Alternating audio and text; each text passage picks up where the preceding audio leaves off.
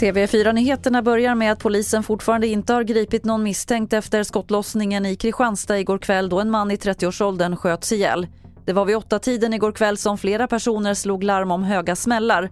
Polisen ryckte ut och hittade en skadad man på marken på en parkeringsplats.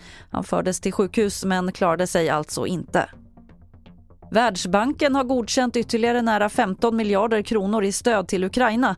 Den ryska invasionen har sänkt Ukrainas ekonomi, bombat sönder infrastrukturen i landet och blockerar exporten av spannmål. Enligt Ukrainas president Volodymyr Zelensky så behövs motsvarande 70 miljarder kronor i månaden för att landet ska kunna fortsätta fungera. Till sist kan vi berätta att skådespelaren Matthew McConaughey höll ett känslosamt tal i Vita huset igår där han krävde förändrade vapenlagar efter massakern på en grundskola i Uvalde.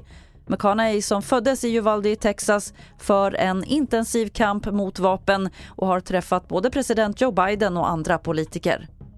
We need to raise the minimum age to purchase an AR-15 rifle to 21.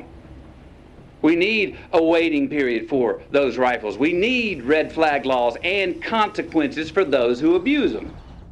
Fler nyheter finns på tv4.se. Jag heter Lotta Wall.